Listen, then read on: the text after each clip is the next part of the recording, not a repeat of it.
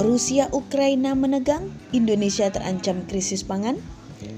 Krisis Rusia Ukraina yang memanas belakangan ini membuat negara-negara di dunia khawatir. Selain memicu terjadinya Perang Dunia Ketiga, distribusi ekspor gandum Ukraina akan terhambat sehingga akan memicu krisis pangan di negara-negara yang bergantung pada impor gandum, salah satunya Indonesia. Indonesia adalah negara importir gandum terbesar di dunia. Memanasnya hubungan Rusia-Ukraina sangat berpengaruh pada pasokan gandum Indonesia, sebab Ukraina adalah pemasok gandum terbesar kedua untuk Indonesia.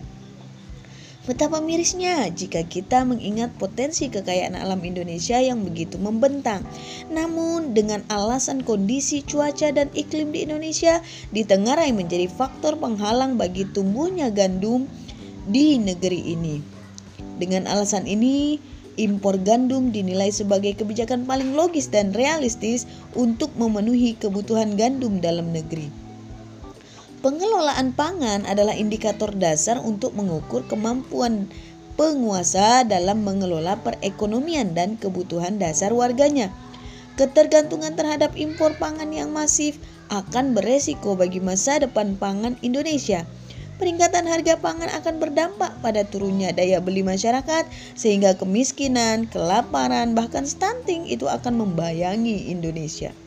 Mungkinkah Indonesia bebas dari impor?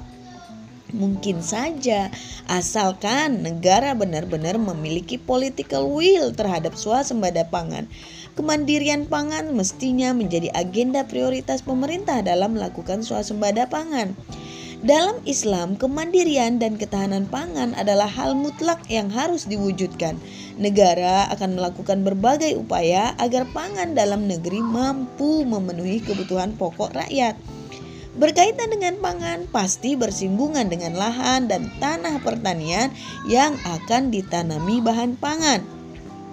Negara khilafah akan mengatur dan mengelolanya agar sektor pertanian dapat memenuhi pangan rakyat. Di antara upaya tersebut ialah yang pertama, mengatur dan mengklasifikasi status kepemilikan tanah yaitu tanah milik individu, tanah yang menjadi milik umum, tanah yang ditelantarkan, dan yang lain-lain. Yang kedua, melakukan intensifikasi dan ekstensifikasi pertanian.